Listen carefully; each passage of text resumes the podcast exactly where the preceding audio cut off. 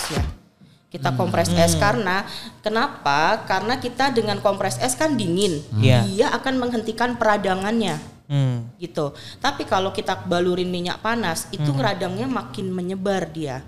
Makanya ada tuh orang yang, aduh gua habis dipijit kok malah gua makin sakit ya gitu, makin bengkak ya karena tadi diberi kita malah ngasih kayak tekanan atau minyak panas yang menyebarkan si radang itu tadi gitu. Justru harus kenanya dingin ya. Iya, ice pack lah, pakai ice pack kayak gitu. Es campur gitu sambil Boleh. diminum boleh dong.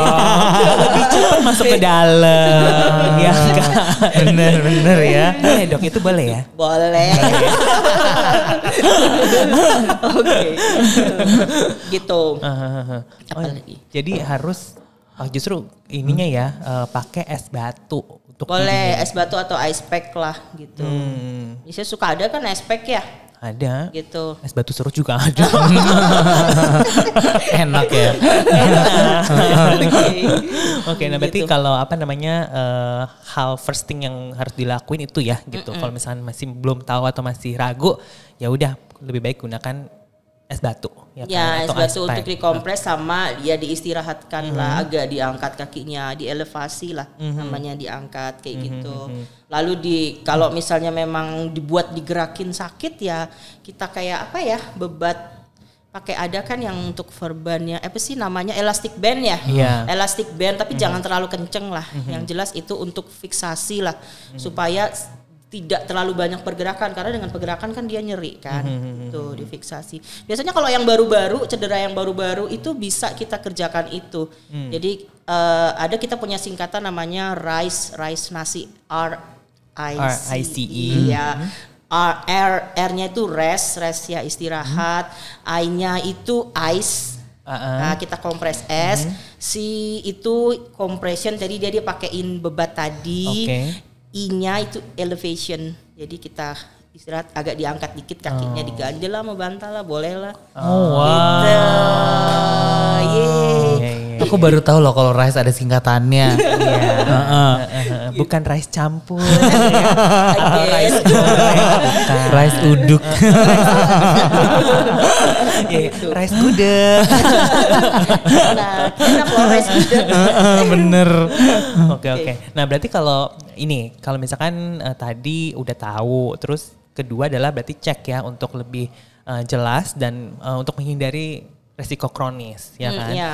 Nah pada saat mungkin pada saat orang tuh udah terkena nih, misalnya kronis gitu kan, terus Hmm. treatmentnya tuh kurang lebih berapa lama sih dok supaya dia bisa balik lagi, atau mungkin gak dia bisa sembuh? Oke, sebenarnya kan kita harus cari tahu dulu eh, itu cederanya di bagian mana dan apa eh, apa yang terjadi dengan jaringannya gitu ya. Kalau di muscle kan biasanya dia kalau yang kronis-kronis itu misalnya kayak dia ada robekan. Hmm. Ya kan ada tear gitu ya karena overlifting apa Iya. sih? Gitu. Overtraining. Berarti Overtraining, ini, ini lagi konteksnya yang olahraga ya? Ah, ah, overtraining. Nah, kalau ada tear kayak gitu-gitu, ya kita mesti lihat seberapa parahnya si tear itu gitu. Nah, untuk kita di bidang kedokteran sih untuk kasus tear itu biasanya kita bisa lakukan eh, apa ya? namanya injeksi tapi bukan dengan steroid ya kita pakai ya. Jadi eh, itu untuk apa namanya meregenerasi injeksi itu proloterapi namanya. Proloterapi jadi dia untuk supaya em, apa ya namanya dia mem- merangsang si eh, otot-otot ini sel-selnya untuk tumbuh lagi. Untuk tumbuh lagi untuk terjadi perbaikan lah itu namanya proloterapi. Jadi kita bisa pakai eh, apa sih ambil darah kita nanti ya eh, plasma darah. Nanti disuntikkan balik ke sininya. Ya itu ke ototnya itu. Itu salah satu terapi untuk eh, apa namanya yang kalau ada robekan. Robekan di ototnya. Ini bukan saraf loh. Otot. Otot. Iya, beda beda kayak gitu. Kalau yang saraf tadi kan misalnya ada saraf terjepit kayak gitu-gitu. Nah, itu tadi dengan blok saraf. Gitu, blok saraf kalau untuk pasien-pasien yang mungkin eh, menolak operasi gitu kan. Iya. Gitu. Nah kalau misalnya kayak contoh tadi nih Hmm. ada yang blok saraf itu kan. Nah blok saraf itu eh, maksudnya kayak kita tuh butuh waktu berapa lama dok untuk bisa Blok- dapetin hasil yang Oke. ini bagus gitu. Blok saraf itu hari itu juga sebenarnya sudah nampak hasilnya. Gitu. Jadi biasanya kita blok hari itu, misalnya pasien eh, pertama kan kita evaluasi nyerinya, Hmm. dia nyeri pada posisi apa dan apa dan apa gitu ya. Pada saat selesai kita blok, biasanya dia sudah ada pengurangan, Hmm. bisa 50%, bisa lebih dari 50% kayak gitu. Hmm. Kalau tepat pengeblokannya ya, tepat pengeblokannya dan memang itu yang eh, penyebab nyerinya Hmm. gitu. Pemicu nyerinya itu ada ya kita blok itu ya dia akan membaik Hmm. itu udah langsung kelihatan biasanya. Wow. Gitu. Canggih ya sekarang ya. Oh iya dong. Bener-bener loh. Gak nyangka loh sekarang udah secanggih itu. Mhm. Sama yang kayak terakhir kita ngobrol sama dokter uh, Sidi ya, Iya, tentang ah. jantung, tentang ring. Ternyata ring itu udah secanggih itu sekarang ya. Dan ternyata saraf itu treatmentnya sekarang udah wow berbeda. Canggih banget ya. Makanya dunia kedokteran itu tidak pernah berhenti ya. Makanya sebagai dokter tuh memang kita harus banyak belajar. Maksudnya belajar terus, nggak bisa berhenti karena kalau berhenti ya ilmunya udah mentok ya cuman di era itu aja gitu loh. Tapi kalau kita belajar terus ya kita tahu lah yang perkembangan yang terbaru apa kayak gitu. Nggak pernah berhenti belajar. Nah kalau misalnya uh, relate to penyakit saraf ya kan. Kira-kira ada nggak sih dok pantangan-pantangan satu nih pantangan gerak atau mungkin pantangan makanan gitu yang eh, nggak boleh dilakuin? Pantangan makanan. Sebenarnya kalau makanan nggak ada ya. Makanan itu tidak ada pantangan untuk si saraf itu sendiri. Cuman eh, misalnya nih tadi seperti aku bilang, orang kena sakit saraf kenapa? Mungkin karena dia diabetes. Ya berarti yang di apa namanya dibatasi adalah makanan-makanan yang berkalori tinggi gitu aja. Untuk diabetesnya sebenarnya bukan untuk si sarafnya ini gitu loh. Sebenarnya itu. Jadi jangan salah. Apalagi tadi pertanyaan lupa. Eh, ini apa? Ada pan- Pantangan. gerak. Gerak. Oh gerak. Oke. Supaya ya tadi over over training over training misalnya kita mau ngangkat sesuatu ya barang gitu ya berat banget gitu. Itu harus ada posisi yang benar dalam hal mengangkat. Karena kalau kita posisinya salah yang terjadi ya cedera di tulang belakang. Seperti itu. Gitu. Sama beban beratnya juga kita perlu perhatikan. Hmm. cara membawanya dan sebagainya. Seperti itu sih. Makanya kalau di eh, di fitness kan sering ada mungkin eh, apa ya coach Yang apa sih cedera. instruktur Oh. eh, ya ya mereka- coach dan personal trainer ya mereka pasti tahu lah Iya, ya iya, kan iya, karena iya. mesti mungkin harus step by step dalam hal mengangkat berat kan Iya, iya. nggak boleh tiba-tiba langsung ngangkat 50 kilo eh, 50 kilo tuh berat nggak sih Hah? Enggak. oh enggak ya oh enggak ya Beratan dosa-dosa kita. iya, iya, iya. Iya, makanya kalau latihan eh, di Paradigm Fitness itu pasti aman karena coach-coach kita tuh juara. Aman. gue jadi tertarik tahu Iya. ya kan. Ya kan. Jadi kapan nih dok? aduh kapan ya gitu, gitu. Terus kayak tadi eh, oke. Nah, sebenarnya kalau misalnya kita olahraga, ya kan? Olahraga nih, eh, olahraga itu eh, apa namanya kalau buat saraf itu tuh aku baca nih sempat baca Google kan. Olahraga buat saraf itu tuh bagus loh gitu. Nah, sebenarnya olahraga yang seperti apa yang memang akan bisa bikin eh, saraf itu punya kualitas yang bagus? Sebenarnya itu agak ini ya eh, olahraga untuk saraf bagus. Sebenarnya olahraga itu ya memang bagus untuk menjaga eh, kondisi tubuh, organ-organ tubuh dan sebagainya supaya tidak terjadi penyakit yang memicu terjadinya gangguan saraf. Sebenarnya Nah, itu. Itu dia Iya. dari ahlinya loh guys. ya. Mm-mm, Jadi jangan sembarangan Google ya. Oke. gitu. Nah, gitu ya. Oke. Nah terus dok, eh, terakhir nih. Kita kuis. Kuis. Apa ini? Kan gue yang mau nanya. ya udah deh. Gak ada, kasih- enggak, enggak, enggak. Eh, Gak apa-apa dong. Eh, aku malah bingung mau nanya apa Ya. ini. Gak. Buat aku mau nyapa dulu buat yang lagi dengerin di Spotify nih, yang mau dengerin kuis-kuisan langsung share ya kan. Lumayan nih kuis cerdas cermat Iya, bersama bener. dokter Popi. Iya. ya kan?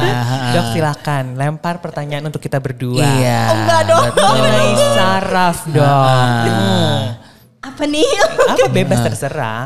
Apa Ini aja, tesnya, apa tes. aja. Ha, tes apakah tadi Fran sama Erik mendengarkan dokter Poppy? Iya. Enggak gitu Sumpah ya kan. takut.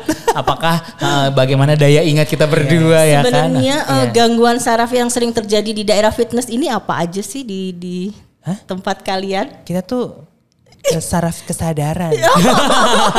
iya, jadi kita suka euforia nge-fly gitu, dok. Ngerti nggak Kacau sih? kan? Apa dok? Ini kita lagi quiz loh beneran. Pertanyaannya, Heeh. Pertanyaan dari dokter. Mm, gantian. Kayak ala-ala quiz eh, gitu. apa ya? Apa nama gelar saya tadi? Oh, wow. Ya kan? Ya, ah. Aku dari awalnya aja SSS ya kalau nggak salah ya. D, D, eh, Apa dong gelar gue? eh, eh. Dokter Sar D, Spesialis saraf. Se- eh, DSS, spesialis saraf. Terus? Aku ingetnya yang belakang. Lalu ada master, tadi master, Ada master. master. Nah, nomor nomor duanya master, master science.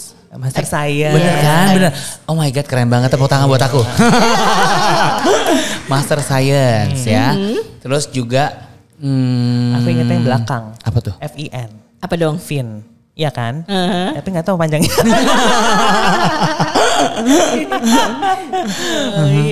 wow. Oke, dok lagi dong. Ini Apa, Dok? tentang saraf apa pun. Ntar kalau gue tanya kalian gak bisa jawab. Tenang aja, justru orang-orang suka kalau kita salah. Tenang aja. Nih yang di, Spotify udah di share belum?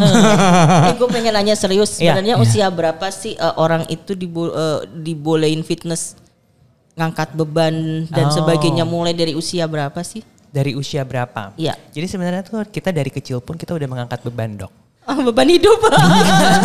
Bener loh ya Oh, kan? iya. Karena every movement itu kita tuh udah ngelakuin. Bahkan dari Mm-hmm. kecil itu kita kan juga udah harus terbiasa untuk bergerak. Ya kan? Mm-hmm. Cuma bedanya adalah beban-beban yang diambil ataupun dipikul. Bener kan? Mm-hmm. Nah semakin kita dewasa akan semakin berat juga beban yang kita suka ambil. Contoh barang dagangan, barang shoppingan itu juga makin gede dok. Ya kan?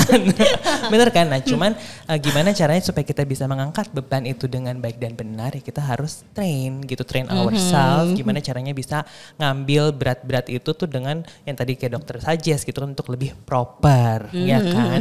Apa namanya eh, apa eh, sudut-sudut yang proper gimana caranya supaya nggak prevent jadi injury ya kan? Nah itu dok sebenarnya. Jadi kita tuh mengangkat beban gimana gimana bahunya? Ya kan. Bahunya gimana? bagus kan jawaban aku Ya, kan boleh. Iya, iya, bagus Sesuai. Oke dok. Nah eh, pesan-pesan nih dok untuk orang-orang yang eh, suka nih berolahraga, gimana caranya supaya bisa maintain eh, apa namanya saraf-sarafnya itu lebih eh, bagus. Oke, sebelum berolahraga ya kita mesti pemanasan ya, yang jelas. Terus kita mesti tahu eh, kita sendiri loh yang tahu eh, apa namanya kapasitas tubuh kita itu ya kan. Jangan jangan lantaran aku pengen badanku kayak ini terus aku jadi over training kayak gitu. enggak. Jangan. Kita sendiri yang tahu lah ya itu. Terus kemudian ya pola tidur yang baik lah, pola tidur yang cukup, yang baik. 8 sam 8 jam, 8 sampai 9 jam lah untuk eh, ini sehari gitu ya.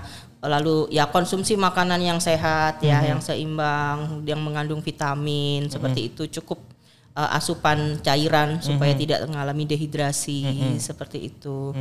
Apalagi dong? Dan tetap berolahraga bersama Paradigm Fitness. wow, terima kasih Thank dokter you Poppy. dokter, seneng Sama-sama. banget loh. Thank Iya kedatangan dokter Popi langsung ya dengan gelarnya banyak banget tadi ya. Terima kasih dokter. Nah buat teman-teman semuanya, buat Prada People yang lagi nonton di YouTube, terima kasih yang udah share dan juga yang lagi dengerin di Spotify, terima kasih yang udah share ya. Kalau misalnya ada pertanyaan, ada feedback, ada insight, very welcome to DM us ya. Kita ada di semua social media platform, ada di Instagram, ada di Facebook, ada di LinkedIn, ada di YouTube dan juga ada di, di TikTok dan di follow, di follow, di follow, di follow ya. Kita ketemu lagi in the next episode of Paradigm Lifestyle Podcast powered by Paradigm Fitness Indonesia. It's your future. See ya.